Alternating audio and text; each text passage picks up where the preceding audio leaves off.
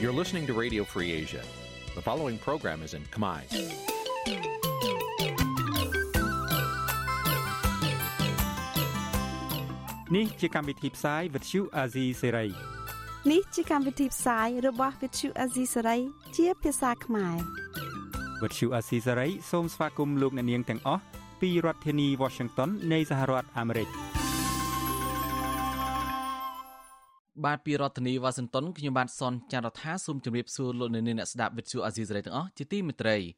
យើងខ្ញុំសូមជូនការផ្សាយសម្រាប់ព្រឹកថ្ងៃអាទិត្យ6កើតខែពុទ្ធបុត្រឆ្នាំឆ្លូវត្រីស័កពុរសករាជ2565ដែលត្រូវនៅថ្ងៃទី12ខែកញ្ញាគ្រិស្តសករាជ2021បាទជាបន្តទៅទៀតនេះសូមអញ្ជើញលោកអ្នកនាងស្ដាប់ព័ត៌មានប្រចាំថ្ងៃដែលមានមេតិការដូចតទៅ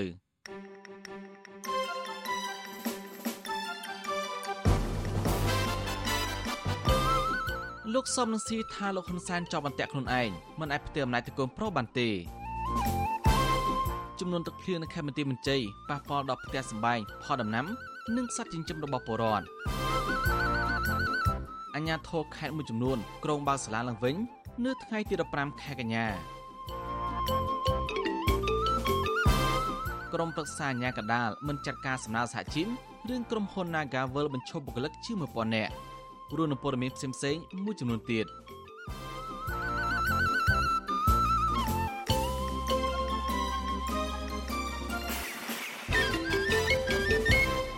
បានជាបន្តទៅទៀតនេះខ្ញុំបាទសនចាររថាសូមជូនព័ត៌មានពិស្ដាលោកសបរងស៊ីប្រធានស្ដីទីគណៈបកសង្គ្រោះជាតិលើកឡើងថាលោកនាយករដ្ឋមន្ត្រីហ៊ុនសែនមិនអាចផ្ទេរអំណាចទៅកូនប្រុសច្បងគឺលោកហ៊ុនម៉ាណែតនៅក្នុងស្ថានភាពព្យុះភ្លៀងដោយសពថ្ងៃបានទេ ស្រដៀងគ្នានេះអ្នកវិភាគនយោបាយមើលឃើញថាបើទោះបីជាមានការផ្ទេរអំណាចពីឪពុកទៅកូនក្តីក៏លោកហ៊ុនម៉ាណែតមិនអាចគ្រប់គ្រងស្ថានភាពក្រោយខ្លួនទទួលបានអំណាចដែរ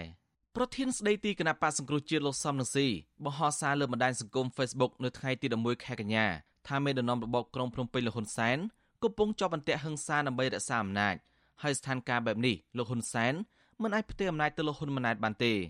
លោកសំរងស៊ីសរសេរទៀតថាការផ្ទេរអំណាច ដែលមិនអាចបង្កគ្រោះថ្នាក់ដល់លោកហ៊ុនសែនគឺត្រូវការបរិយាកាសនយោបាយត្រជាក់សម្ដៅដល់ការគ្មានវិបត្តិនយោបាយហើយមានវត្តមានគណៈបកសង្គ្រោះជាតិនៅក្នុងឆាកនយោបាយ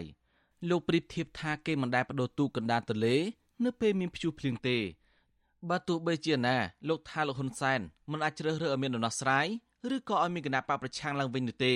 ព្រោះអាចធ្វើឲ្យរបបរបស់គាត់ប្រឈមគ្រោះថ្នាក់ដូច្នេះលោកហ៊ុនសែនមានតែផ្លុំភ្លើងក្តារជានិញដើម្បីរក្សាអំណាចនេះ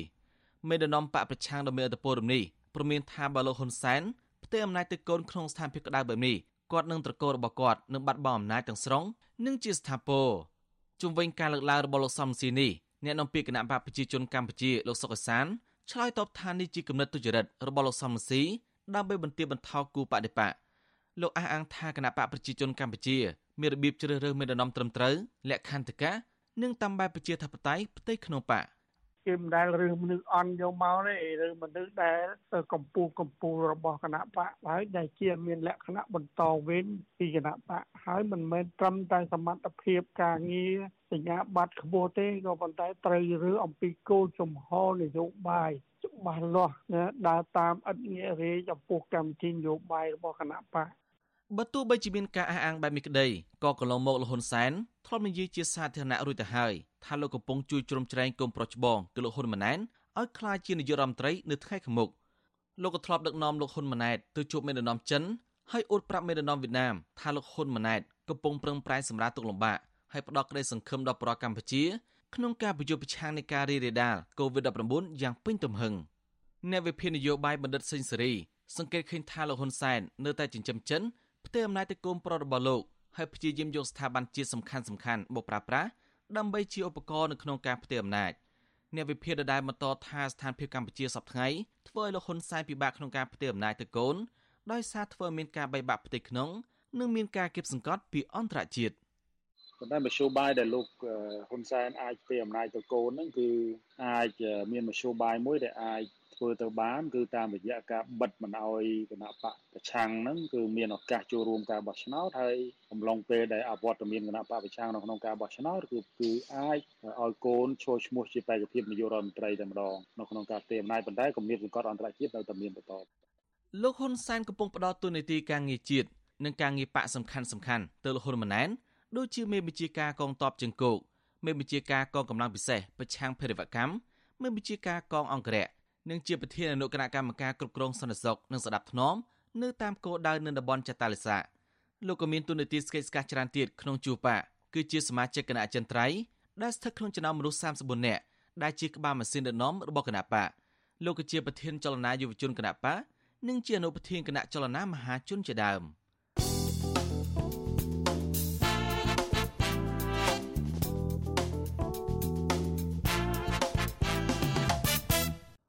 បានលុននៅនាងជាទីមត្រីគណៈកម្មាធិការជ្រៀបចំការបោះឆ្នោតហៅកាត់ថាកោចបោប្រកាសប្រតិទិននៃការពិនិត្យបញ្ជីឈ្មោះនិងការចុះឈ្មោះបោះឆ្នោតចាប់ផ្ដើមពីថ្ងៃទី12ខែតុលាដល់ថ្ងៃទី30ខែវិច្ឆិកាឆ្នាំ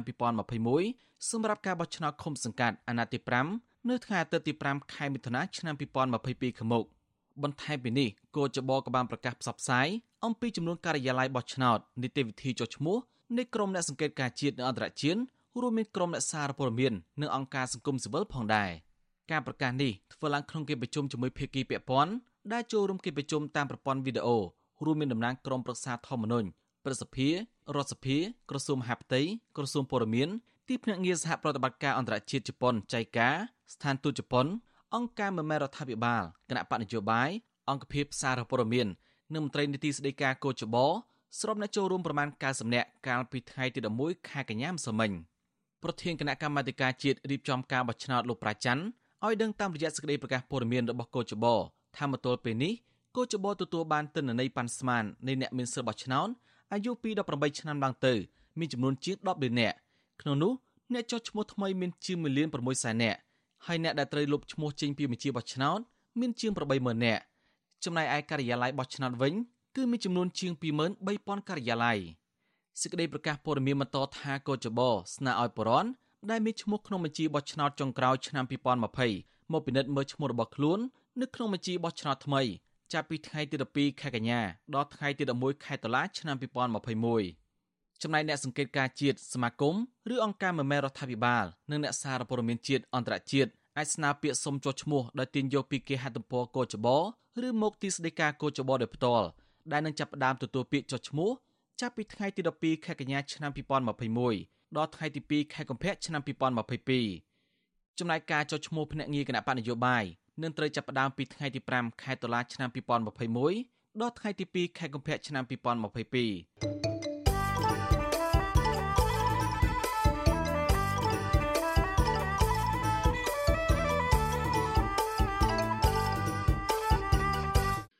បាទងារទៅមើលស្ថានភាពទឹកជំនន់នៅខេមរទីមជ័យវិញម្ដង ប្រជាប្រដ្ឋបារម្ភពីបញ្ហាទឹកជំនន់ដែលកំពុងលេចស្រុកមួយចំនួននៅខេមរទីមជ័យបណ្ដាលឲ្យពួកគាត់ជួបទុលំបាកផ្ទុំទួនអំឡុងពេលទឹកជំនន់ដែលបន្តលេបផ្ទះបណ្ដាលឲ្យស្លាប់សត្វចិញ្ចឹមនិងបំផ្លាញផលដំណាំពលរដ្ឋរាប់រយហិកតា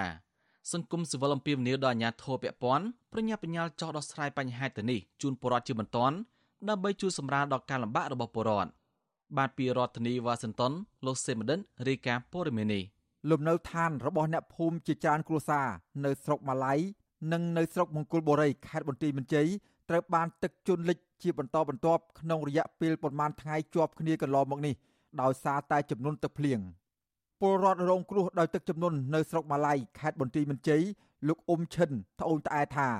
ចំនួនទឹកភ្លៀងកំពុងជន់លិចផ្ទះនិងខូចខាតផលដំណាំលោកព្រមទាំងប្រជាពលរដ្ឋដទៃទៀតរាប់រយហិកតារួមទាំងងាប់សត្វចិញ្ចឹមផងដែរ លោកព្រួយបារម្ភយ៉ាងខ្លាំងអំពីសវត្ថិភាពដោយខ្លាចទឹកជំនន់បន្តហក់ឡើងទៅមុខទៀតបណ្ដាលឲ្យគ្មានជំរកស្នាក់នៅខ្វះខាតស្បៀងអាហារនិងការលំបាកផ្សេងផ្សេងទៀតបរិះវ័យ63ឆ្នាំរូបនេះប្រាប់ថាអាញាធរមិនបានជូនដំណឹងឲ្យប្រជាពលរដ្ឋត្រៀមខ្លួនឬដឹងជាមុននោះទេប៉ុន្តែពេលទឹកចំនួនលេខផ្ទះអ្នកភូមិអាញាធរបានចុះចែកស្បៀងអាហារខ្លះដោយមានទាហានកងពលលេខ51ចុះជួយប្រជាពលរដ្ឋអំឡុងពេលទឹកចំនួនលេខខ្លាំង។ ជន់ខ្លាំងពីយប់ពីថ្ងៃហ្នឹងការឲ្យលិចទៅដល់ពេលអញ្ចឹងវាពិបាកដែរការដើរហើររស៊ីអីសំខាន់គឺរឿងអង្គការងារបងនៅខាងទុនយមធនធានទឹកគេផ្សាយតាម Facebook ហ្នឹងតែប៉ុណ្ណឹងមានព្រៀងផ្គររយៈពេលប្រហែលថ្ងៃខែប្រហែលថ្ងៃគឺអាញាធរទៅតែអត់មានប្រាប់ទេទៅដល់ទឹកលិចទៅបានផ្អើលគេ10000ទៅជួយទៅវិទ្យុអសីស្រីនៅពុំទាន់អាចតាក់ទងแนะនាំពាក្យខេត្តបន្ទាយមានជ័យអ្នកស្រីរស់សុផានី ដើម្បីសុំការឆ្លើយតបជុំវិញរឿងនេះបាននៅឡើយទេនៅថ្ងៃទី11ខែកញ្ញាដោយទូរស័ព្ទចូលច្រានដងតែពុំមានអ្នកទទួលប៉ុន្តែអ្នកនាំពាក្យគណៈកម្មាធិការជាតិគ្រប់គ្រងគ្រោះមហន្តរាយលោកខុនសុខាឲ្យដឹងថាស្ថានភាពបច្ចុប្បន្នចំនួនទឹកភ្លៀងនៅខេត្តបន្ទាយមានជ័យនិងខេត្តមួយចំនួនទៀតមិនទាន់ដល់កម្រិតប្រកាសអាសន្ននៅឡើយទេដោយសារអាជ្ញាធរអាចនៅគ្រប់គ្រងស្ថានភាពនោះបានលោកបញ្ជាក់ថាខាងលោកមិនទាន់ទទួលបានរបាយការណ៍ជាក់លាក់ ជុំវិញតួលេខនិងផលប៉ះពាល់បណ្ដាលមកពីទឹកចំនួនឆ្នាំនេះនៅឡើយទេពេលមានគ្រោះមហន្តរាយពុតសុទ្ធធំធំជាយថាហេតុគឺកម្លាំងដែលយើងចុះប្រតិបត្តិការយើងជួយគាត់បានទាន់ពេលឥឡូវហ្នឹងការព្រួយបារម្ភរបស់ប្រជាជនអាហ្នឹងជារឿងការព្រួយបារម្ភហើយអាហ្នឹងធម្មតាទេនៅរដូវវស្សាគាត់តែងតែខ្លាចលិចផលដំណាំរបស់គាត់បាទប៉ុន្តែទីគាត់ថាវិបាលអាជ្ញាធរក៏មិនប្រងើយកន្តើយដែរខំហើយវិជ្រោគ វិធីសាស្ត្រគ្រប់បែបយ៉ាងនៅក្នុងការជួយដល់ពួកគាត់ជុំវិញរឿងនេះអ្នកនាំពាក្យកងទ័ពជើងគោកនៃក្រសួងការពារជាតិលោកម៉ៅផល្លាប្រាប់អាស៊ីសេរីនៅថ្ងៃសៅរ៍ទី11កញ្ញាដោយខ្លីថាខាងលោកបានត្រៀមកម្លាំងកងទ័ពដើម្បីអន្តរាគមន៍និងសង្គ្រោះប្រជាពលរដ្ឋដែលរងគ្រោះដោយសារទឹកជំនន់នេះរួចហើយកងទ័ពជើងគោកនៃកងយុទ្ធពលខេមរៈភូមិន្ទបានបង្ហោះនៅលើទំព័រ Facebook កាលពីថ្ងៃទី10ខែកញ្ញាថា កងកម្លាំងផ្នែកសឹករម៉ាឡៃខេត្តបន្ទាយមានជ័យប្រមាណ10នាក់បានចុះជួយជញ្ជូនសម្ភារៈប្រជាពលរដ្ឋដែលរងគ្រោះដោយទឹកជំនន់ទៅរកទីទួលមានសុវត្ថិភាពស្ថិតនៅភូមិថ្មីឃុំអូស្រឡៅស្រុកម៉ាឡៃស្ថានភាពទឹកជំនន់ទឹកភ្លៀងក្នុងស្រុកម៉ាឡៃបានជន់លិចផ្ទះប្រជាពលរដ្ឋជាច្រើនខ្នងបន្ទាប់ពីមានភ្លៀងធ្លាក់ជាបន្តបន្ទាប់ជាប់ជាប់គ្នានាប្រមាណថ្ងៃកន្លងមកនេះ ទោះយ៉ាងណាមកទល់នឹងពេលនេះអាជ្ញាធរពាក់ព័ន្ធនៅមិនទាន់បានដឹងអំពីចំនួនខូចខាតនៃទ្រព្យសម្បត្តិឬប៉ះពាល់ដល់អាយុជីវិតមនុស្សសត្វឬយ៉ាងណានៅឡើយទេជុំវិញរឿងនេះមន្ត្រីសម្របសម្រួលសមាគមការពារសិទ្ធិមនុស្សអាត60ប្រចាំនៅខេត្តបន្ទាយមានជ័យលោកស៊ុំច័ន្ទគាមានប្រសាសន៍ថាពលរដ្ឋនៅខេត្តនេះតែងតែរងគ្រោះដោយសារទឹកជំនន់ស្ទើររាល់ឆ្នាំបណ្ដាលមកពីការអភិវឌ្ឍរបស់អាជ្ញាធរដែលមិនបានគិតគូរវែងឆ្ងាយអំពីផលប៉ះពាល់ដល់ប្រជាពលរដ្ឋ លោកបន្តថាពលរដ្ឋដែលរងគ្រោះទាំងនោះនឹងប្រឈមបញ្ហាជីវភាពកាន់តែខ្លាំងដោយសារតែពួកគាត់ជួបគ្រោះអាសន្នផ្ទួផ្ទួនគឺគ្រោះបណ្ដាលមកពីជំងឺ Covid-19 ផង និងគ្រោះទឹកចំនួនផងលោកថាបញ្ហាគ្រោះទឹកចំនួនកាលពីឆ្នាំចាស់បានក្លាយទៅជាមេរៀនសម្រាប់អាជ្ញាធរដើម្បីត្រៀមខ្លួនជួយអន្តរាគមន៍ដល់ប្រជាពលរដ្ឋរងគ្រោះតែទោះយ៉ាងណា លោកសង្កេតឃើញថាអាជ្ញាធរហាក់ឆ្លើយតបយឺតយ៉ាវនៅឡើយលោកអំពីវនាវដល់អាជ្ញាធរ ឲ្យប្រញាប់ប្រញាល់ចុះជួយដោះស្រាយបញ្ហាទាំងនេះជូនដល់ប្រជាពលរដ្ឋជាបន្ទាន់ ដើម្បីជួយសម្រាលការលំបាករបស់ប្រជាពលរដ្ឋឲ្យមានកំហុសខុសឆ្គងបញ្ហាលំបាកនៅក្នុងការដោះស្រាយដូចឆ្នាំមុនមុនទៀតត្រូវតែធ្វើការរៀបចំអញ្ចឹងអ្នកដែលរងគ្រោះនៅទីអីហ្នឹងគឺត្រៀមខ្លួនត្រៀមប្រាណហើយរកមើលទីទួលសុវត្ថិភាពកន្លែងណាដែលអាចនៅបានបើមិនត្រៀមខ្លួនទេគឺវាអត់ទាន់ចាត់ការអត់ទាន់រៀបចំខ្លួននឹងអាចធ្វើឲ្យប៉ះពាល់ទៅលើទ្រព្យសម្បត្តិប៉ះពាល់ទៅលើការរស់នៅរបស់គាត់អីជាច្រើនទៀតបាទរបាយការណ៍គណៈកម្មាធិការជាតិគ្រប់គ្រងគ្រោះមហន្តរាយឲ្យដឹងថាកាលពីឆ្នាំ2020មានប្រជាពលរដ្ឋប្រមាណ100000នាក់ក្នុងខេត្តចំនួន17ដែលរងផលប៉ះពាល់ពីទឹកជំនន់មានដូចជារាជធានីភ្នំពេញតាកែវកំពង់ស្ពឺ បាត់ដំបងពោធិ៍សាត់បន្ទាយមានជ័យមណ្ឌលគិរី ស្ទឹងត្រែង ស្វាយរៀងខេត្តកោះកុងនិងខេត្តព្រះវិហារជាដើមក្នុងនោះ មានខេត្តបាត់ដំបង និងខេត្តពោធិ៍សាត់រងគ្រោះលិចលង់ធ្ងន់ធ្ងរជាងគេ។ របាយការណ៍ដដាលបានឲ្យដឹងទៀតថាមានប្រជាពលរដ្ឋប្រមាណ10នាក់បានលង់ទឹកស្លាប់និងមានម្នាក់ត្រូវរន្ទះបាញ់ស្លាប់ខូចខាតដំណាំស្រូវរបស់ប្រជាកសិករប្រមាណ75000ហិកតា និងខូចខាតដំណាំរួមផ្សំផ្សេងផ្សេងទៀតចំនួនជាង40000ហិកតាខ្ញុំបាទសេកបណ្ឌិតវិទ្យុអាស៊ីសេរីពីរដ្ឋធានីវ៉ាស៊ីនតោនបានលោកនាងជាទីមន្ត្រីរដ្ឋបាលខេត្តកណ្ដាលនិងខេត្តពោធិ៍សាត់ សម្រាប់អនុញ្ញាតឲ្យបានដំណើរការឡើងវិញនៅគ្រឹះស្ថានសិក្សាសាធារណៈរបស់រដ្ឋនិងឯកជនសម្រាប់ថ្នាក់ទី9ដល់ថ្នាក់ទី12ចាប់ពីថ្ងៃទី15ខែកញ្ញាតទៅសេចក្តីជូនដំណឹងរបស់រដ្ឋបាលខេត្តទាំងពីរកាលពីថ្ងៃទី11ខែកញ្ញាម្សិលមិញឲ្យដឹងថាការអនុញ្ញាតឲ្យបានដំណើរការឡើងវិញនេះគឺធ្វើឡើងនៅភូមិសាស្ត្រដែលមានហានិភ័យឆ្លងទាបនិងបានត្រៀមលក្ខណៈគ្រប់គ្រាន់ស្របតាមគោលការណ៍ក្រសួងអប់រំនិងវិធានការក្រសួងសុខាភិបាលអភិបាលខេត្តកណ្ដាលលោកកុងសុភ័ណ្ឌបញ្ជាក់ក្នុងសេចក្តីប្រកាសព័ត៌មាន ថារដ្ឋបាលខេត្តនឹងពិនិត្យតាមដាននិងវិតម្លៃពីស្ថានភាពនៃការឆ្លងរាលដាល COVID-19 នៅតាមមូលដ្ឋានឃុំសង្កាត់ទាំងអស់ដើម្បីឈានដល់ការបើកដំណើរការឡើងវិញសាលារៀនគ្រប់កម្រិតជាដំណាក់កាលនៅពេលខាងមុខចំណែកអភិបាលខេត្តពោធិ៍សាត់លោកម៉ៅធនិនក៏បានដឹងដែរថាឆ្លងតាមការពិគ្រោះនិងផ្លាស់ប្តូរយោបល់គ្នារដ្ឋបាលខេត្តអាចធានាបានថាគ្មានហានិភ័យនៅក្នុងការចម្លង COVID-19 ដោយសារសិទ្ធិនោះបានទទួលវ៉ាក់សាំងគ្រប់ដូសហើយចំពោះលោកគ្រូនិងគ្រូក៏ត្រូវចាប់វ៉ាក់សាំងទៅ2ដូស ទើបអនុញ្ញាតឲ្យចូលបង្រៀនទន្ទឹមនឹងការបើកសាលារៀននៅខេត្តកណ្ដាលខេត្តពោធិ៍សាត់នេះរដ្ឋបាលខេត្តសៀមរាបម្នាក់វិញសម្រាប់ដាក់ភូមិសាស្ត្រក្រុងសៀមរាបជាតំបន់លឿងទុំដើម្បីទប់ស្កាត់ការឆ្លងរាលដាល COVID-19 ជាបណ្ដោះអាសន្នរយៈពេលមួយសប្តាហ៍គិតចាប់ពីថ្ងៃទី11ដល់ថ្ងៃទី18ខែកញ្ញាឆ្នាំ2021អំឡុងពេលបិទគតុបនេះរដ្ឋបាលខេត្តសៀមរាបប្រកាសហាមបរដ្ឋមិនឲ្យចេញដំណើរពីផ្ទះហាមការជួបប្រមូលផ្ដុំឬការជួបជុំ លើកលែងតែសមាជិកក្នុងក្រុមគ្រួសារមានបញ្ហាសុខភាពជាបន្ទាន់ការដឹកជញ្ជូនទំនិញនិងការបំពេញការងារមន្ត្រីរាជការកងកម្លាំងប្រដាប់អាវុធឬសមត្ថកិច្ចព្រមទាំងសេវាសង្គ្រោះបន្ទាន់ផ្នែកសុខាភិបាលរដ្ឋនិងឯកជនជាដើម។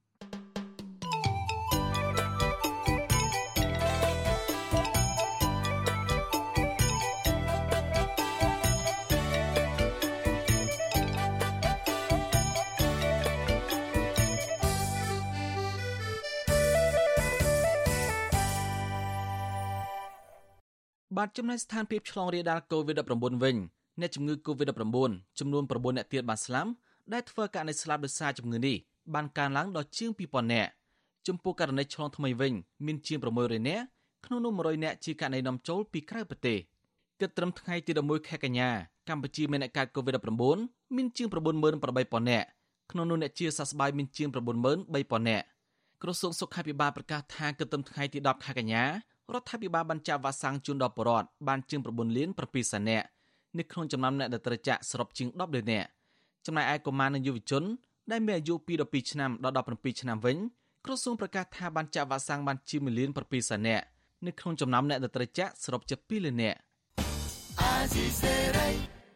បានលុននៅនាងជាទីមត្រីក្រុមសកម្មជនគណបក្សគ្រូជាតិដែលកំពុងភៀសខ្លួននៅប្រទេសថៃបដិញ្ញាបន្តរិះគន់ភាពអសកម្មនៅអំពើរំលោភសិទ្ធិមនុស្ស របស់របបលោកហ៊ុនសែនបើទោះបីជាមានការធ្វើទុកបុកម្នេញបែបណាក្តីតើមានកត្តាអ្វីខ្លះដែលជំរុញទឹកចិត្តក្រុមសកម្មជនទៅនេះឲ្យបន្តសកម្មភាពរបស់ខ្លួនរីគុណចំណុចអវិជ្ជមានរបស់របបក្រុងភ្នំពេញបានលោកនាងនៅបានស្ដាប់សេចក្តីរាយការណ៍នេះនៅពេលបន្តិចទៅនេះបាទសូមអរគុណ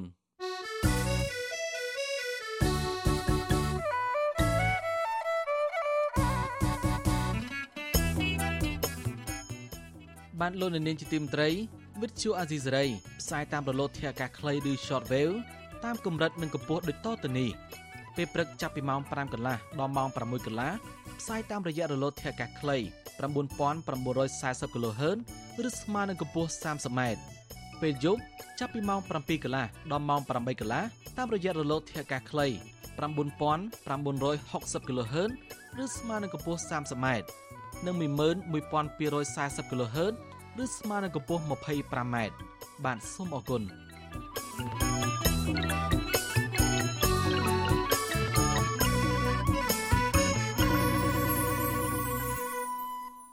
បាទងារទៅមើលស្ថានភាពលោករងឈុននៅវិញសាច់ញាតិកំពុងពឹងពាក់មេធាវីឲ្យដាក់ពាក្យស្នើសុំទៅតុលាការដើម្បីអនុញ្ញាតឲ្យប្រធានសហភាពសហជីពកម្ពុជានិងជាតំណាងក្រុមប្រឹក្សាខ្លមើកម្ពុជាលោករងឈុនទទួលបានការសម្រាប់ព្យាបាលនៅមន្ទីរពេទ្យត្រឹមត្រូវ។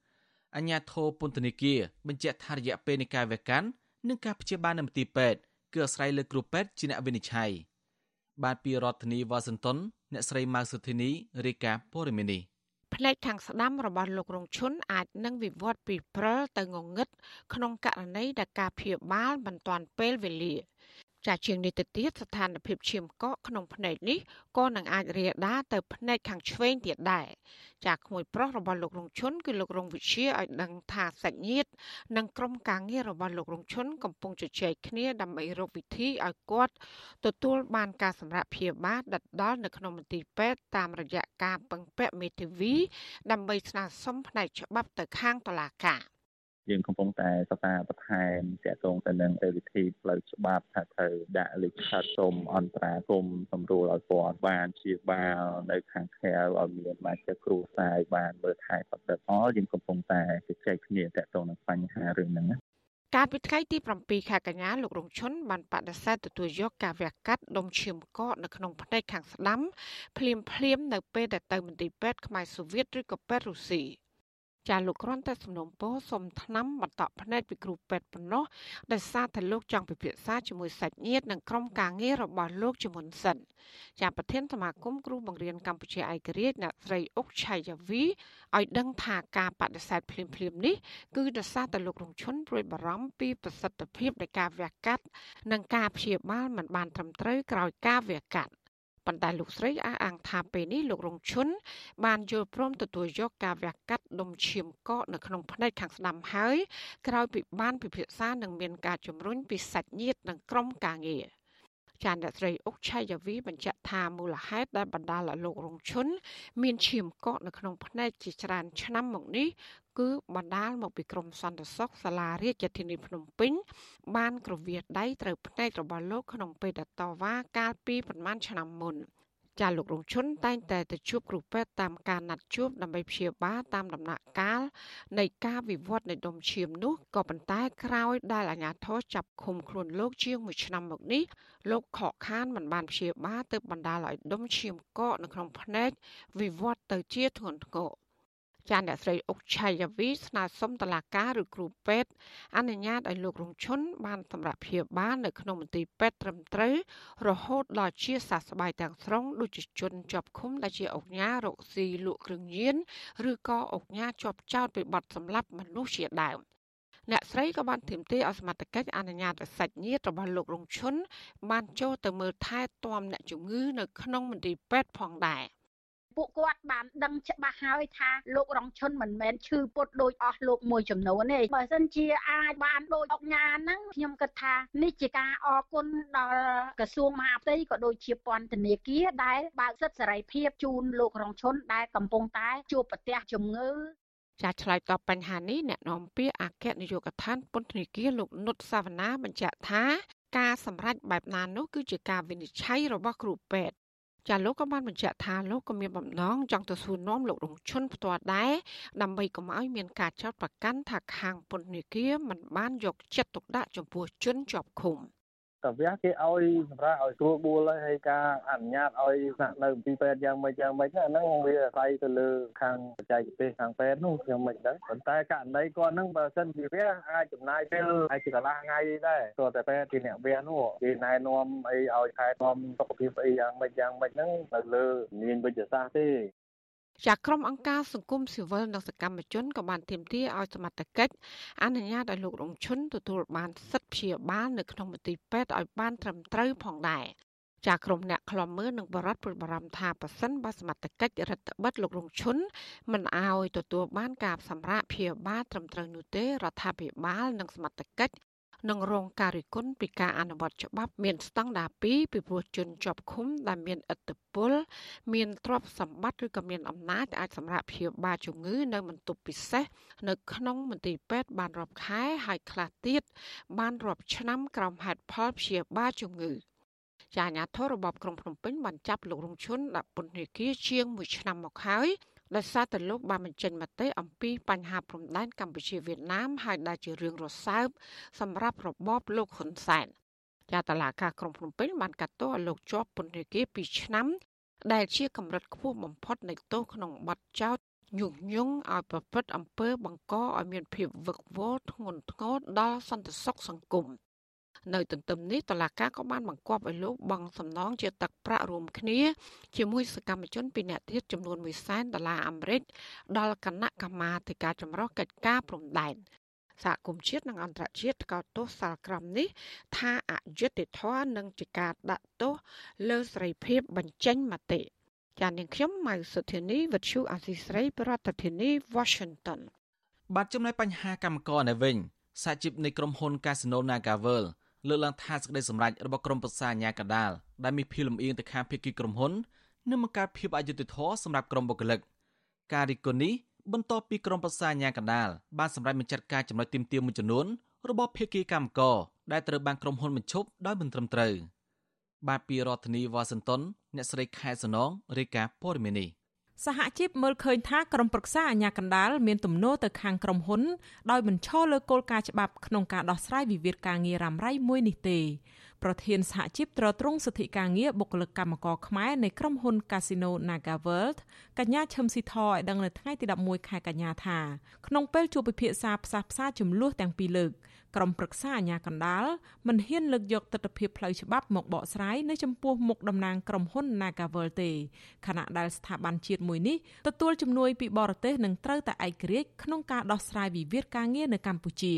កញ្ញាបញ្ជាក់ថាការទៀមទារបស់សហជីពនេះគឺស្របទៅនឹងច្បាប់ស្តីពីការងារដែលមានស្រាប់ដោយមិនចង់បានដំណោះស្រាយពីក្រុមហ៊ុនហួសពីច្បាប់នោះទេកញ្ញាចាត់ទុកការសម្រេចនេះថាធ្វើឲ្យភាគីក្រុមហ៊ុនទទួលបានផលចំណេញទាំងការកັບកេងប្រាក់បុគ្គលិកនិងអូសបន្លាយពេលវេលានេះតទៅមុខទៀតរីឯខាងក្រុមបុគ្គលិកបានត្រឹមទទួលរងនៅភាពអយុត្តិធម៌ខាតបង់លុយកាក់អស់ការងារធ្វើនិងចំណាយពេលអស់ជាច្រើនខែក្នុងការស្វែងរកដំណោះស្រាយពីចំនួននេះ គឺត្រឹមសំតាមអាមីនីមុំឡាននេះបានន័យថាអាបន្ទាត់ទៀតបំផុតដែលដែលច្បាប់ចែងហ្នឹងគឺយើងចង់បានតែត្រឹមតែប៉ុណ្្នឹងឯងអត់ទាន់បានសុំលើល្អលើច្បាប់ទោះបីជាច្បាប់បានអនុញ្ញាតលើកទឹកចិត្តឲ្យនយោជកផ្ដល់ផ្ដល់អ្វីដែលល្អជាងច្បាប់ឲ្យកម្មករនិយោជិតក៏ឲ្យគាត់អត់តាមបានទាន់ទីរដំណាក់កាលហ្នឹងផងសេចក្តីប្រកបអាញាកដាលដែលគាត់បដិសេធមិនពិចារណានេះវាបង្ហាញពីការបរាជ័យរបស់ ក្រុមប្រឹក្សាអាញាកដាតើថ្ងៃក្រោយយើងអាចពឹងពាក់ទៅលើក្រុមប្រឹក្សាអាញាកដានឹងទៀតអត់ហើយតើមូលនិធិអន្តរជាតិគ្រប់គ្រងផ្ដល់លុយផ្ដល់ថវិកាឲ្យអាញាកដាដំណើរការរងថ្ងៃហ្នឹងតើការចំណាយទាំងអស់ហ្នឹងវាសមថ្លៃឬទេដែលចំណាយលុយរាប់ម៉ឺនរាប់ពាន់ដុល្លារក្នុងមួយឆ្នាំឲ្យអាញាកដាប៉ុន្តែអាញាកដាហ៊ានបកស្រាយច្បាប់ប្រតិកម្មរបស់មេដឹកនាំសហជីពរូបនេះធ្វើឡើងបន្ទាប់ពីក្រុមប្រឹក្សាអាជ្ញាកណ្ដាលកាលពីថ្ងៃទី10ខែកញ្ញាបានសម្រេចបដិសេធការពិចារណា ចំពោះការទៀមទារបស់សហជីព3ចំណុច ចំណុចទាំងនោះរួមមាន ការបញ្ឈប់គម្រោងកាត់បន្ថយបុគ្គលិកនៅសល់តែជិត400នាក់ការបន្តផ្តល់ប្រាក់រំលឹកអតីតភាពការងារមុនឆ្នាំ2019ឲ្យបុគ្គលិកនិងការកណនាប្រាក់រំលឹកអតីតភាពការងារមុនឆ្នាំ2019ឲ្យបានត្រឹមត្រូវតាមច្បាប់ ផ្ទុយទៅវិញស្ថាប័នមួយនេះបង្គាប់ឲ្យភាគីក្រុមហ៊ុនអនុវត្តការកណនាប្រាក់បំណាច់អតីតភាពការងារនិងប្រាក់អត្ថប្រយោជន៍ផ្សេងទៀតពេលបញ្ចប់កិច្ចសន្យាការងារនៅចុងឆ្នាំ2020និងដើមឆ្នាំ2021ជូនបុគ្គលិកឲ្យបានត្រឹមត្រូវនិងបន្តបើកប្រាក់បំណាច់អតីតភាពការងារឆ្នាំ2020និងឆ្នាំ2021បន្តទៀតវិទ្យុអាស៊ីសេរីមិនអាចសុំការបកស្រាយរឿងនេះ ពីលេខាធិការដ្ឋាននៃក្រមប្រឹក្សាអាជ្ញាកណ្ដាលលោកប៉ែនសវ៉ាតបានទេ នៅថ្ងៃទី11ខែកញ្ញាដោយទូរស័ព្ទហៅចូលតែពុំមានអ្នកទទួលតកតងទៅនឹងវិវាទនេះអ្នកគ្រប់គ្រងកម្មវិធីសិទ្ធិការងារនៃអង្គការសង្ត្រាល់លោកខុនថារ៉ូមើលឃើញថាការអូសបន្លាយពេលវេលាចាប់តាំងពីថ្នាក់ក្រសួងការងាររហូតដល់ក្រមប្រឹក្សាអាជ្ញាកណ្ដាលនៅតែមិនមានដំណោះស្រាយបែបនេះគឺដោយសារតែមន្ត្រីអធិការកិច្ចនៃក្រសួងការងារមិនពន្លឿនការងាររបស់ខ្លួនចុះពិនិត្យមើលរឿងនេះ។ ជាមួយគ្នានេះលោកថាក្រសួងក៏មិនបានបង្ហាញលទ្ធផលជាក់លាក់ណាមួយថាការបញ្ឈប់បុគ្គលិកទ្រង់ទ្រាយធំបែបនេះកើតចេញពីក្រុមហ៊ុនខ្សែធន ឬក្រុមហ៊ុនរើសអើងសហជីពនោះដែរ លោកយល់ថាប្រសិនបើក្រសួងការងារមិនដោះស្រាយវិវាទនេះឲ្យបានច្បាស់លាស់តាមច្បាប់ទេករណីនេះនឹងក្លាយទៅជាគំរូអាក្រក់ដល់ក្រុមហ៊ុនសហគ្រាសឬរោងចក្រផ្សេងទៀតដែលចង់បញ្ឈប់កម្មករនិយោជិតនិងសហជីពដោយមិនផ្ដល់សំណងឲ្យពួកគាត់ត្រឹមត្រូវតាមច្បាប់កន្លងមកនឹងក្រសួងនឹងបានធ្វើការបកស្រាយទៅអង្គការពលកម្មអន្តរជាតិនៅក្នុងសន្និសិទរបស់អង្គការពលកម្មអន្តរជាតិតាក់ទងទៅនឹងករណី Naga នឹងហើយតម្លៃនឹងក្រសួងខ្លួនឯងនឹងក៏មិនបានបកស្រាយឲ្យបានទូលំទូលាយទៅនឹងស្មារតីនៃច្បាប់នឹងដែរអញ្ចឹងអាចំណុចមួយនឹងហើយវាជាមន្ទិលសង្ស័យថាតើវាជាចេតនានៅក្នុងការអនុវត្តនីតិវិធីឬក៏ពជាពេលហើយបើសិនជាយើងអនុវត្តចឹងបានអញ្ចឹងនយោជកផ្សេងផ្សេងទៀតនឹងគាត់អាចប្រើប្រាស់វិធីសាស្ត្របច្ចេកទេសដូច Nagawal ហ្នឹងទៅអនុវត្តនៅក្នុងការបញ្ឈប់កម្មករផ្សេងផ្សេងទៀតនឹងបានដូចគ្នា អាប្រសិទ្ធភាពនៅក្នុងការអនុវត្តច្បាប់នោះវាមានការលំអៀងអញ្ចឹងអាភាពអយុត្តិធម៌នោះវាអាចកើតមានឡើងហើយបើសិន Nagawal អនុវត្តចឹងបានក្រុមហ៊ុនធំធំទៀតដូច Nagawal នឹងអាចអនុវត្តចឹងដូចគ្នាដែរវិទ្យុអាស៊ីសេរីមិនអាចតាក់ទងសុំការឆ្លើយតបរឿងនេះពីអ្នកនាំពាក្យក្រសួងការងារលោកហេងសួរបានទេដោយហៅទូរស័ព្ទចូលតែពុំមានអ្នកទទួលក្រុមហ៊ុន Casino Naga World ដែលធ្លាប់ជាប់ឈ្មោះមិនល្អក្នុងបញ្ជីឈ្មោះរំលោភសិទ្ធិការងារអះអាងថាខ្លួនមានបញ្ហាលំបាកផ្នែកហិរញ្ញវត្ថុ ទើបឈានដល់ការបញ្ឈប់បុគ្គលិកជាង1300នាក់ឬជិត20%នៃបុគ្គលិកក្រុមហ៊ុនបែបនេះផ្ទុយពីការអះអាងនេះខាងសហជីពបានដឹងថាក្រុមហ៊ុន Casino Naga World នៅតែអាចរកប្រាក់ចំណូលជាង900លានដុល្លារហើយចំណេញបានជាង100លានដុល្លារក្នុងឆ្នាំ2020កន្លងទៅនិងកំពុងចំណាយលុយសាងសង់អគារ Nagavel 3បន្ថែមទៀតនៅពេលដែលប្រទេសកម្ពុជាកំពុងជួបវិបត្តិនៃជំងឺ Covid-19 សហជីពថាការអះអាងបែបនេះគឺជារឿងមិនសមហេតុសមផល និងមិនអាចទទួលយកបានឡើយ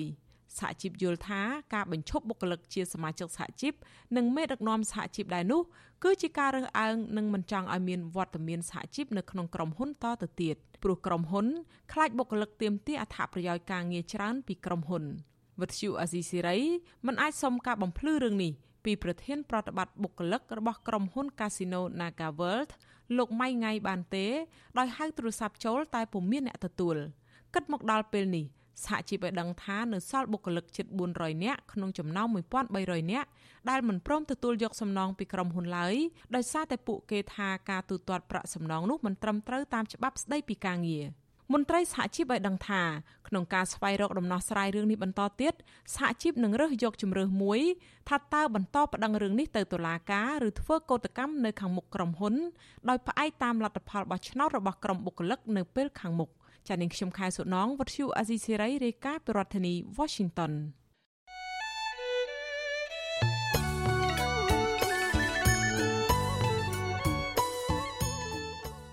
បានលោកនាងជាទីមត្រី ក្រៅពីតាមដានកម្មវិធីផ្សាយរបស់វិទ្យុអាស៊ីសេរីតាមបណ្ដាញសង្គម Facebook YouTube Telegram លោកនាងក៏អាចតាមដានកម្មវិធីផ្សាយរបស់យើងតាមរយៈបណ្ដាញសង្គម Instagram តាមរយៈសាច់ឋាន instagram.com/ofa ខ្មែរវិទ្យុអាស៊ីសេរីបន្តខិតខំផ្សព្វផ្សាយព័ត៌មានពិតទៅកាន់បងប្អូនតាមរយៈបណ្ដាញសង្គមផ្សេងៗនិងសម្បូរបែបដើម្បីឲ្យលោកនាងងាយស្រួលតាមដានព័ត៌មានរបស់យើងគ្រប់ពេលវេលាគ្រប់ទីកន្លែងតាមរយៈទូរស័ព្ទដៃរបស់លោកនាង បាទសូមអរគុណ។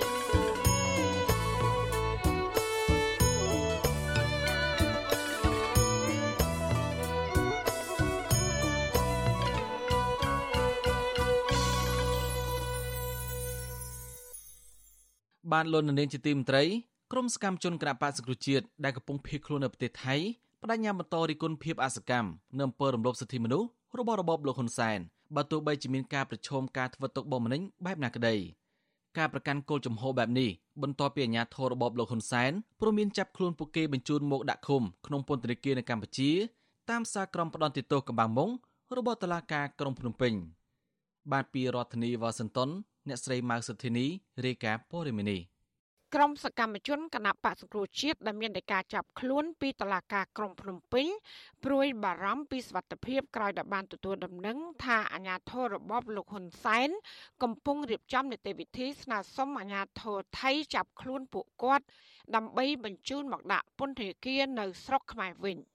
ទោះជាយ៉ាងណាពួកគាត់នៅតែប្រកាន់ខ្ជាប់គោលជំហររិះគន់របបលោកហ៊ុនសែនរហូតតតែមានប្រជាធិបតេយ្យនិងការគ្រប់សិទ្ធិមនុស្សឡើងវិញ។ចាសកម្មជនគណៈបក្សសង្គ្រោះជាតិដែលកំពុងភៀសខ្លួននៅប្រទេសថៃលោកម៉ៅវិបុលថ្លែងថាការដែលតុលាការរបបលោកហ៊ុនសែនកាត់ទោសកំបាំងមុខឲ្យពួកលោកជាប់ពន្ធនាគារ18ខែនិងក្រុងធ្វើប្រជាបានពួកគាត់ពីប្រទេសថៃនេះគឺជារឿងអយុត្តិធម៌និងរំលោភសិទ្ធិមនុស្សធ្ងន់ធ្ងរ ពីព្រោះថាពួកលោកគ្រាន់តែបញ្ចេញមតិរិះគន់ស្របតាមច្បាប់ជាតិនិងអន្តរជាតិលោកបន្តថាប៉ះសិនបើលោកហ៊ុនសែនមិនចង់ឲ្យពួកលោករិះគន់លុះត្រាតែរបបលោកហ៊ុនសែនបញ្ឈប់អំពើរំលោភសិទ្ធិមនុស្សនិងបំផ្លាញគោលការណ៍ប្រជាធិបតេយ្យហើយយកចិត្តទុកដាក់ដោះស្រាយបញ្ហាទុកលំបាករបស់ប្រជាពលរដ្ឋ តលតែលោកហ៊ុនសែននឹងថាឈប់ធ្វើទុកបុកម្នេញប្រជាពលរដ្ឋហើយឲ្យគោរពរដ្ឋធម្មនុញ្ញដែលជាច្បាប់កម្ពុជាតែប្រជាពលរដ្ឋខ្មែរមានសិទ្ធិគ្រប់គ្រប់គ្នាហើយបើលើហ៊ុនសែននៅតែប្រព្រឹត្តដដែលដដែលពួកខ្ញុំមិនអាចនៅអោបដៃមើលប្រជាពលរដ្ឋរងទុកទេអញ្ចឹងត្រូវតែជួយពលរដ្ឋហើយទោះបីគម្រាមកំហែងយ៉ាងណាក៏ដោយយើងដឹងហើយបើសិនជាយើងមិនធ្វើអីសោះក៏រងគ្រោះដែរ ចាលោកម៉ៅវិបុលឲ្យដឹងដែរថាមួយរយៈពេលចុងក្រោយនេះពួកលោកតែងតែប្រុងប្រយ័ត្នមិនហ៊ានចេញពីផ្ទះដើរម្នាក់ឯងទេព្រោះបារម្ភខ្លាចរបបក្រុងភ្នំពេញបញ្ជូនជនដៃដល់ឬក៏ជនបាត់ដៃទី3មកវាយធ្វើបាបឬក៏ត្រូវអាជ្ញាធរថៃចាប់ខ្លួន ដើម្បីបញ្ជូនទៅកម្ពុជាវិញ ចាជាមួយគ្នានេះយុវជនគណៈបកប្រជាជាតិនៅប្រទេសថៃម្នាក់ទៀតគឺលោករិនរ័ត្ននិយាយថាលោកក៏មានការព្រួយបារម្ភពីសវត្ថិភាពផងដែរប៉ុន្តែលោកនឹងមិនបញ្ឈប់ការតស៊ូមតិដោយអហិង្សាបាននោះទេពីព្រោះរបបលោកហ៊ុនសែនកំពុងបំផ្លាញប្រជាធិបតេយ្យនិងការរំលោភសិទ្ធិមនុស្សធ្ងន់ធ្ងរចាលោកក៏បានអះអាងថាការបញ្ចេញមតិរបស់ពួកលោកនេះគឺស្ថិតនៅក្នុងដែនកំណត់នៃច្បាប់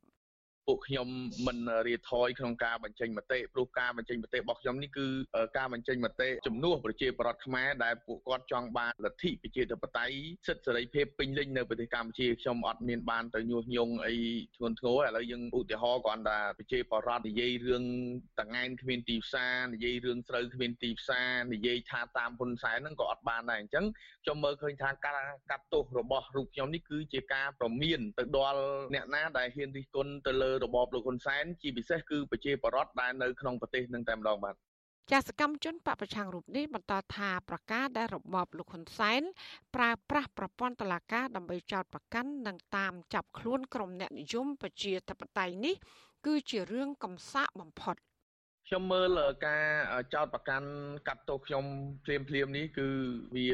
ជារឿងមួយដែលរបបហ៊ុនសែនកំសាមិនហ៊ានប្រឈមមុខជាមួយនឹងដៃគូប្រកួតប្រជែងព្រោះហ៊ុនសែនដឹងហើយថាពួកខ្ញុំគឺជាយុវជន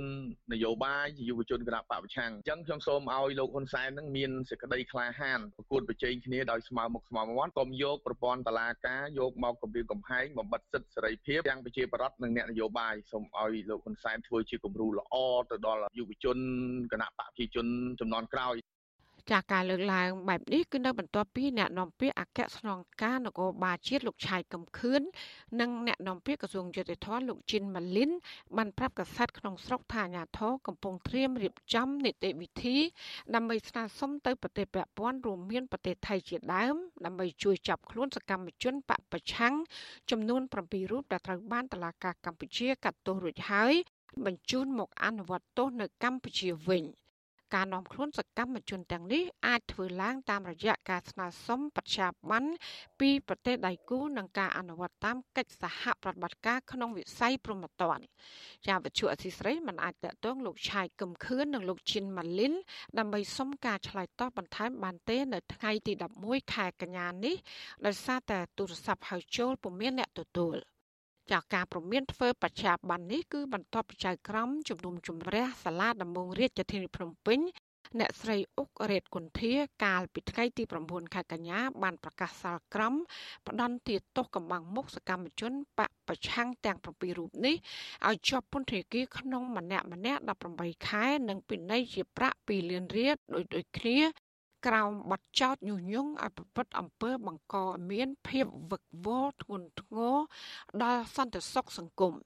ចាចៅក្រមរូបនេះក៏បានចេញទៅការបង្គាប់ឲ្យសមត្ថកិច្ចតាមចាប់ខ្លួនអ្នកទាំង7រូបនោះដាក់ពន្ធនាគារផងដែរចាសកម្មជនទាំង7រូបនេះរួមមាន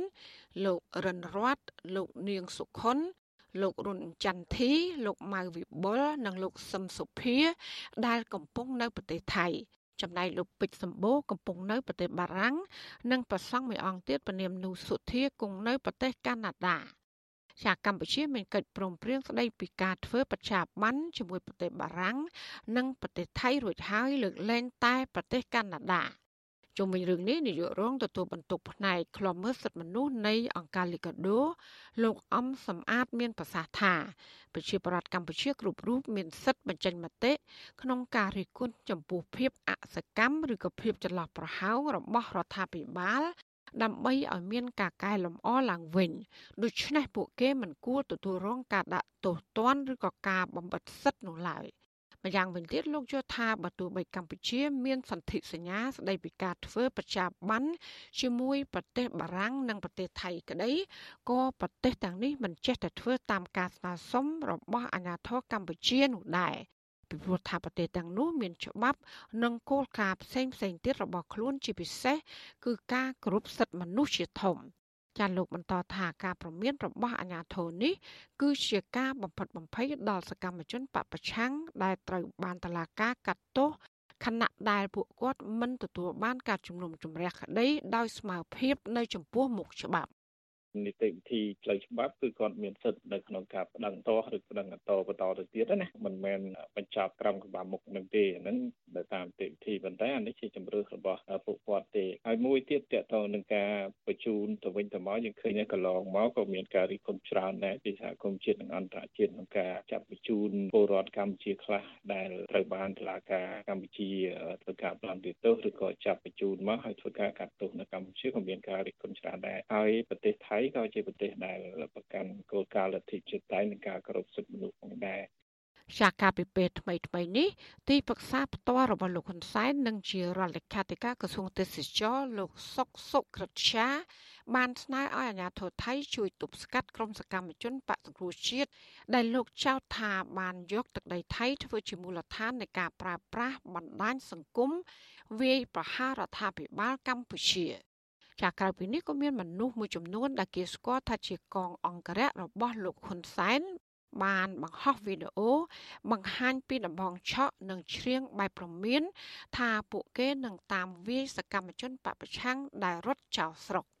ក្រោយពីការព្រមាននេះមានសកម្មជនបពប្រឆាំងដែលភៀសខ្លួននៅថៃម្នាក់គឺលោកជឹមសុផាតត្រូវបានជន់មិនស្គាល់មុខមានគ្នាចំនួន3នាក់បានវាយបណ្ដាលរងរបួសធ្ងន់និងចាប់រុញបញ្ចូលទៅក្នុងឡានក៏ប៉ុន្តែលោករើបំរាស់រួចខ្លួនទៅវិញ ចាសកម្មជនបកសង្គ្រោះជាតិដែលអាញាធររបបលោកហ៊ុនសែនកំណត់គោលដៅក្នុងការធ្វើទុកបុកម្នេញនេះគឺសុទ្ធសឹងដែលជាអ្នកលេចធ្លោក្នុងការរិះគន់ភាពអសកម្មហើយនឹងអំពើរំលោភសិទ្ធិមនុស្សរបស់រដ្ឋាភិបាលលោកហ៊ុនសែនតាមរយៈគេហទំព័រ Facebook របស់ពួកគាត់ចាសកម្មជនបកសង្គ្រោះជាតិទាំងនេះលើកឡើងថាប៉ះសិនបើអាញាធរនិងតឡាការរបបលោកហ៊ុនសែន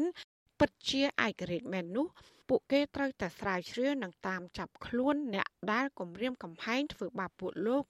យកទៅអនុវត្តច្បាប់មិនមែនចោតប្រកាន់និងតាមចាប់ខ្លួនពួកលោកដែលជាជនរងគ្រោះនោះឡើយចាននាងខ្ញុំម៉ៃសុធានីវិទ្យុអាស៊ីសេរីប្រធានាធិបតី Washington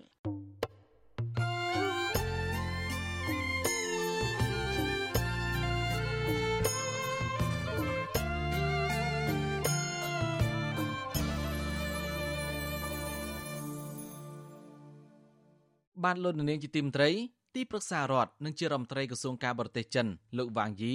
កំពុងបំពេញទស្សនកិច្ចមកកាន់ប្រទេសមួយចំនួននៅតំបន់អាស៊ីចាប់ពីថ្ងៃទី10ដល់ថ្ងៃទី15ខែកញ្ញាដែលរួមមានប្រទេសវៀតណាមកម្ពុជា សិង្ហបុរី និងកូរ៉េខាងត្បូងដំណើរទស្សនកិច្ចរបស់មន្ត្រីការទូតជាន់ខ្ពស់ចិននេះធ្វើឡើងក្រោយពីអនុប្រធានាធិបតីសហរដ្ឋអាមេរិកអ្នកស្រីកាម៉ាឡាហារីបានមកទស្សនកិច្ចនៅប្រទេសសិង្ហបុរីនិងវៀតណាមដែលជាដំណើរទស្សនកិច្ចលើកដំបូងមកអស់មកកាន់ភូមិភាគអាស៊ីអាគ្នេយ៍ នៅក្នុងនាមជាអនុប្រធានាធិបតីអាមេរិកក្រមរដ្ឋបាលថ្មីរបស់លោកប្រធានាធិបតី Joe Biden ចំណែកដំណើរទស្សនកិច្ចរបស់លោកវ៉ាងយីមកកាន់កម្ពុជាគឺមុនពេលដែលកម្ពុជាកំពុងត្រៀមខ្លួនធ្វើជាប្រធានបដូវវេនអាស៊ាន នៅក្នុងឆ្នាំ2022ខាងមុខនេះបាទពីរដ្ឋធានីវ៉ាស៊ីនតោនអ្នកស្រីខែសំណងរាយការណ៍ព័ត៌មាននេះវាអាចមិនមែនជារឿងចៃដន្យទេ ដែលប្រមុខការទូតជាន់ខ្ពស់ចិនជ្រើសរើសប្រទេសវៀតណាមកម្ពុជានិងសិង្ហបុរី គឺជាសមាជិករបស់អាស៊ាននៅក្នុងដំណើរទស្សនកិច្ចនេះកាលពីចុងខែសីហាអនុប្រធានាធិបតីអាមេរិកអ្នកស្រី Kamala Harris ក៏បានជ្រើសរើសប្រទេសសិង្ហបុរីនិងវៀតណាមជាគោលដៅនៃដំណើរទស្សនកិច្ចរបស់អ្នកស្រីទាំងនៅក្នុងប្រទេសសិង្ហបុរីនិងនៅវៀតណាមអ្នកស្រី Harris បានថ្លែងបញ្ជាក់អំពីការបដិញ្ញាចិត្តរបស់អាមេរិកនៅក្នុងការការពារសន្តិសុខនៅក្នុងតំបន់និងជំរុញការលើកកម្ពស់តំបន់ Indo-Pacific មួយប្រកបដោយភាពសេរីនិងបើកចំហប្រឈមមុខទៅនឹងការគំរាមកំហែងរបស់ប្រទេសចិនដែលជាភាគីចំនួននៅក្នុងរឿងចំនួនដណ្ដើមអធិបតេយ្យលើប្រជុំកោះនៅសមុទ្រចិនខាងត្បូង។ ដំណើរទស្សនកិច្ចរបស់អ្នកស្រី Harris ក៏ដូចជាមន្ត្រីជាន់ខ្ពស់របស់សហរដ្ឋអាមេរិកដទៃទៀតមកកាន់តំបន់អាស៊ីនិងអាស៊ាន ចាប់តាំងពីប្រធានាធិបតីអាមេរិកលោក Joe Biden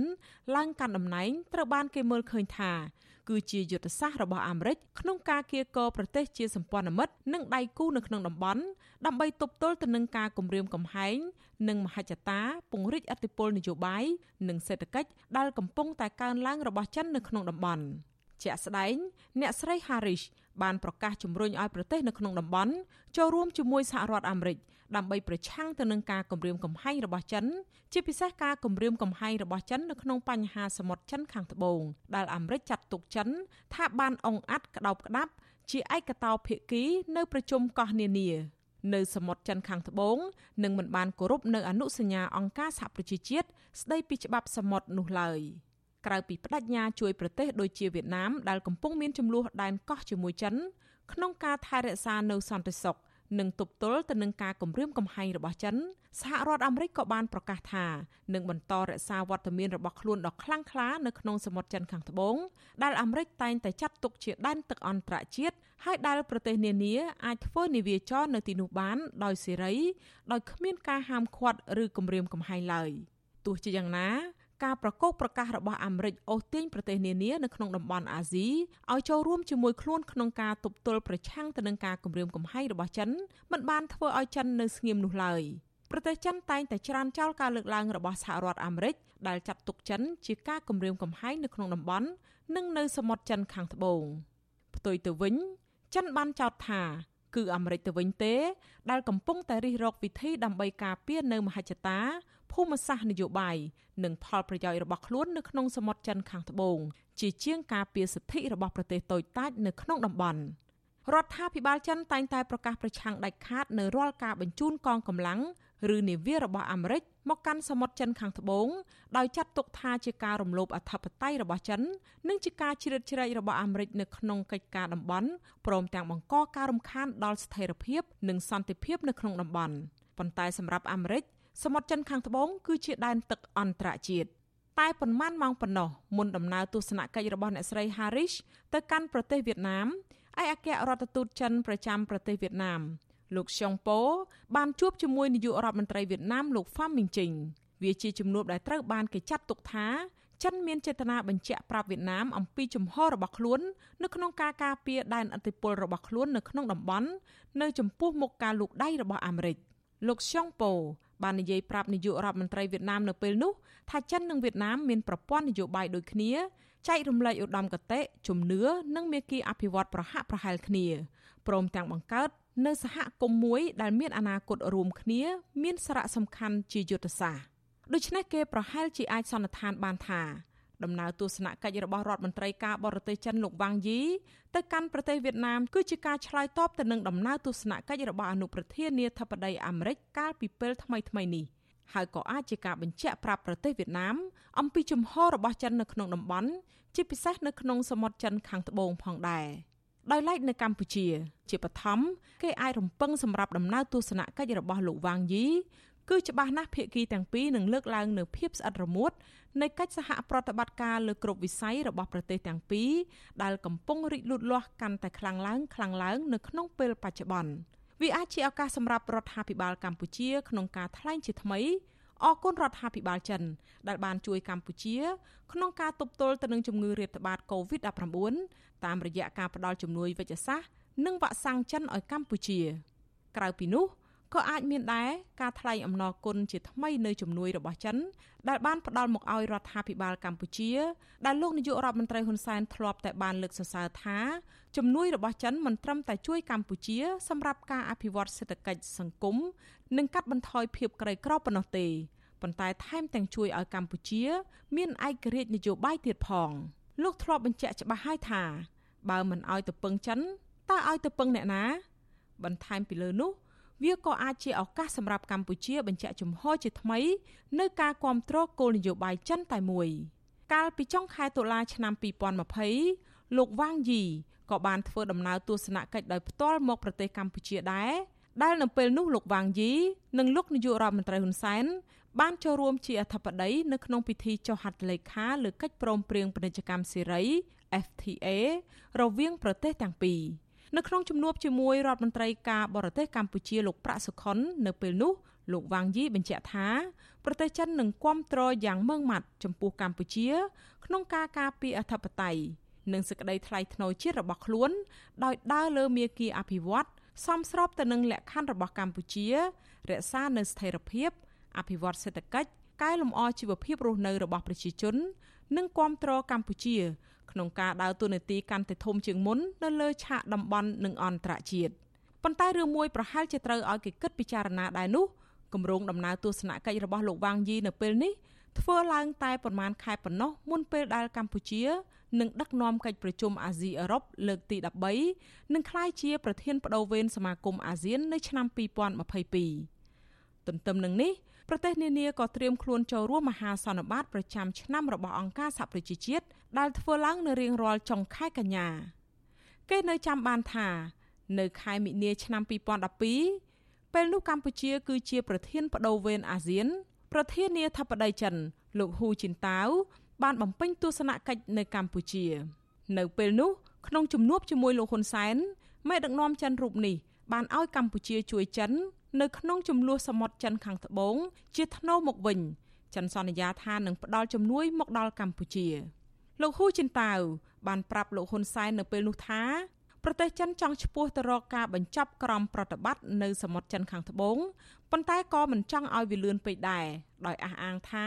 ដើម្បីកុំឲ្យចំនួននៅសមុទ្រចិនខាងត្បូងបង្កការគំរាមកំហែងដល់ស្ថិរភាពនៅក្នុងតំបន់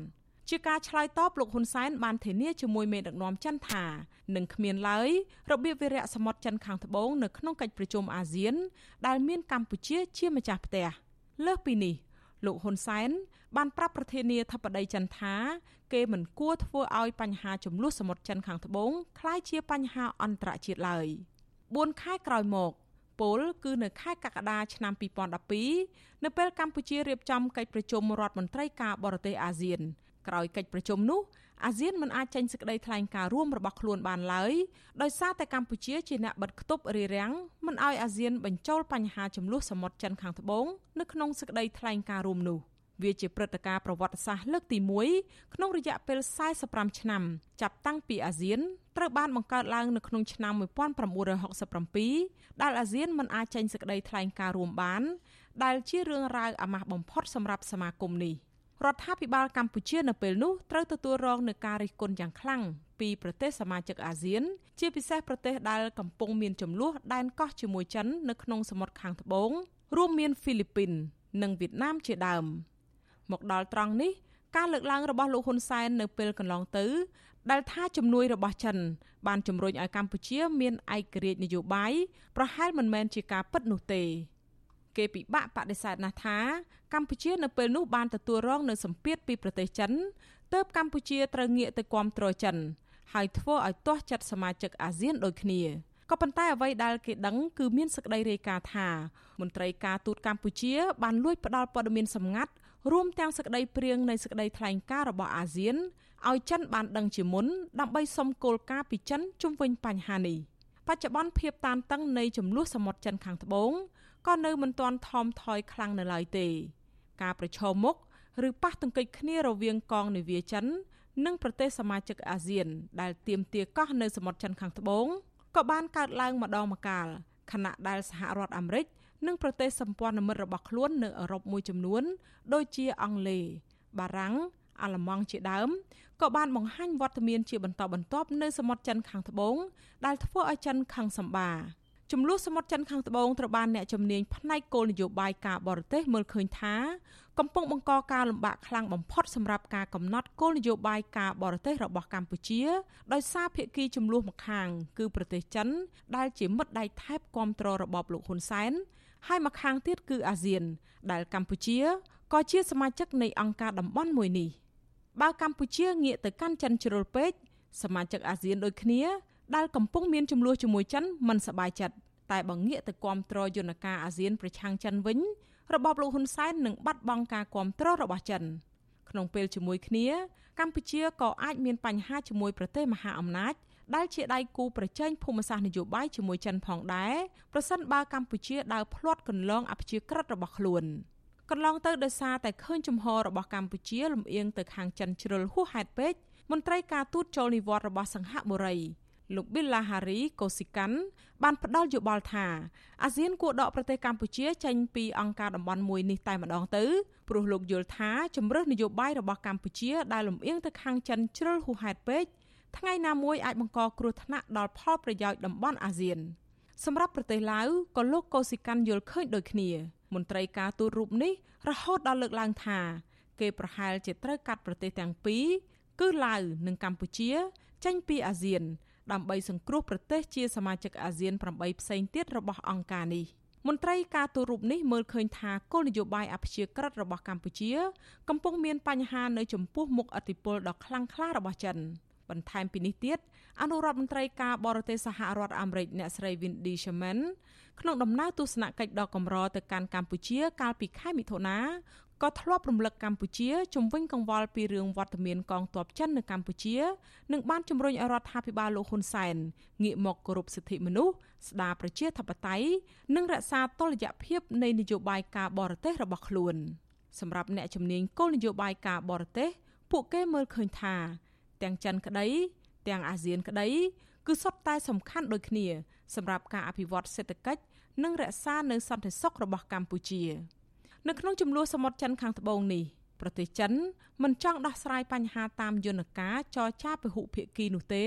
ព្រោះតែចិនមើលឃើញថាយន្តការនេះអាចអនុញ្ញាតឲ្យប្រទេសមហាអំណាចផ្សេងទៀតដូចជាសហរដ្ឋអាមេរិកមានឱកាសចូលរួមអង្គុយក្នុងតុចរចាជាមួយចិនដែរទាំងដែលអាមេរិកមិនមែនជាភាគីចំនួនផងនោះប៉ុន្តែសម្រាប់ប្រទេសសមាជិកអាស៊ានដែលមានចំនួនជាមួយចិនវិញការចូលអង្គុយតុចរចាមួយទល់នឹងមួយជាមួយចិន គឺជាការចាញ់ប្រៀបចិន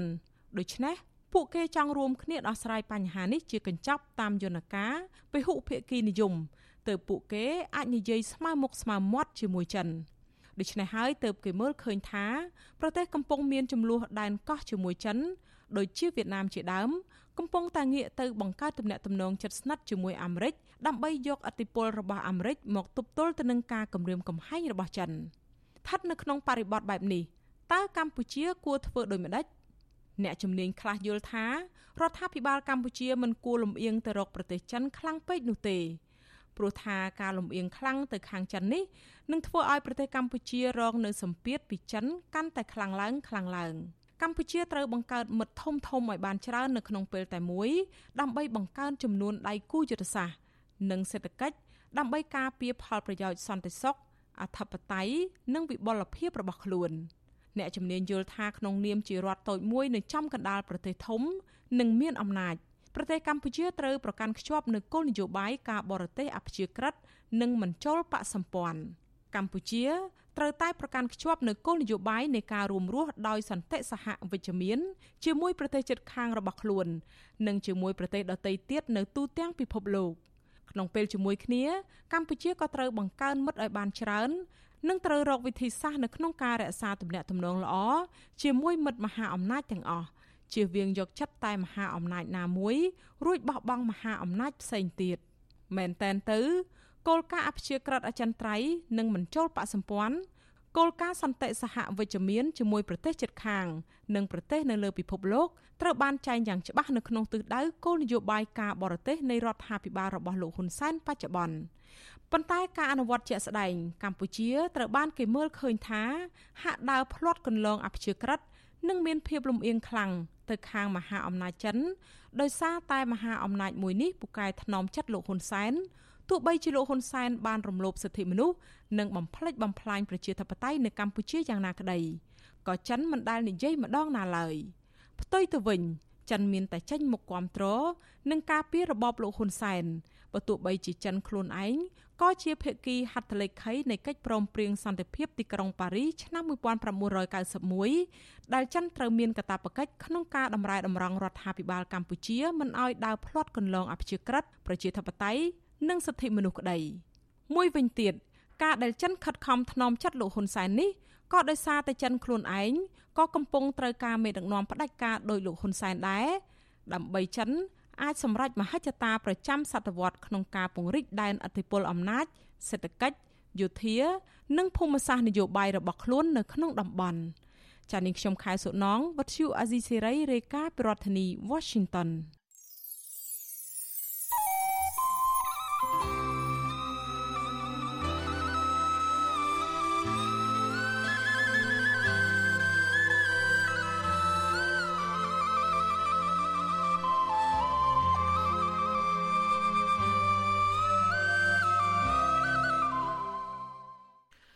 បានលោកនៅនាងកញ្ញាអ្នកស្ដាប់វិទ្យុអាស៊ីសេរីជាទីមេត្រីការផ្សាយរយៈពេល1ម៉ោងនៃវិទ្យុអាស៊ីសេរីជាភាសាខ្មែរនៅពេលនេះចប់តែប៉ុណ្ណេះយើងខ្ញុំសូមជូនពរដល់លោកអ្នកនាងព្រមទាំងក្រុមគ្រួសារទាំងអស់ឲ្យជួបប្រកបតែនឹងសេចក្តីសុខចម្រើនរុងរឿងកុំបីឃ្លៀងឃ្លាតឡើយខ្ញុំបាទសនចាររថាព្រមទាំងក្រុមការងារទាំងអស់នៃវិទ្យុអាស៊ីសេរីសូមអរគុណនិងសូមជម្រាបលា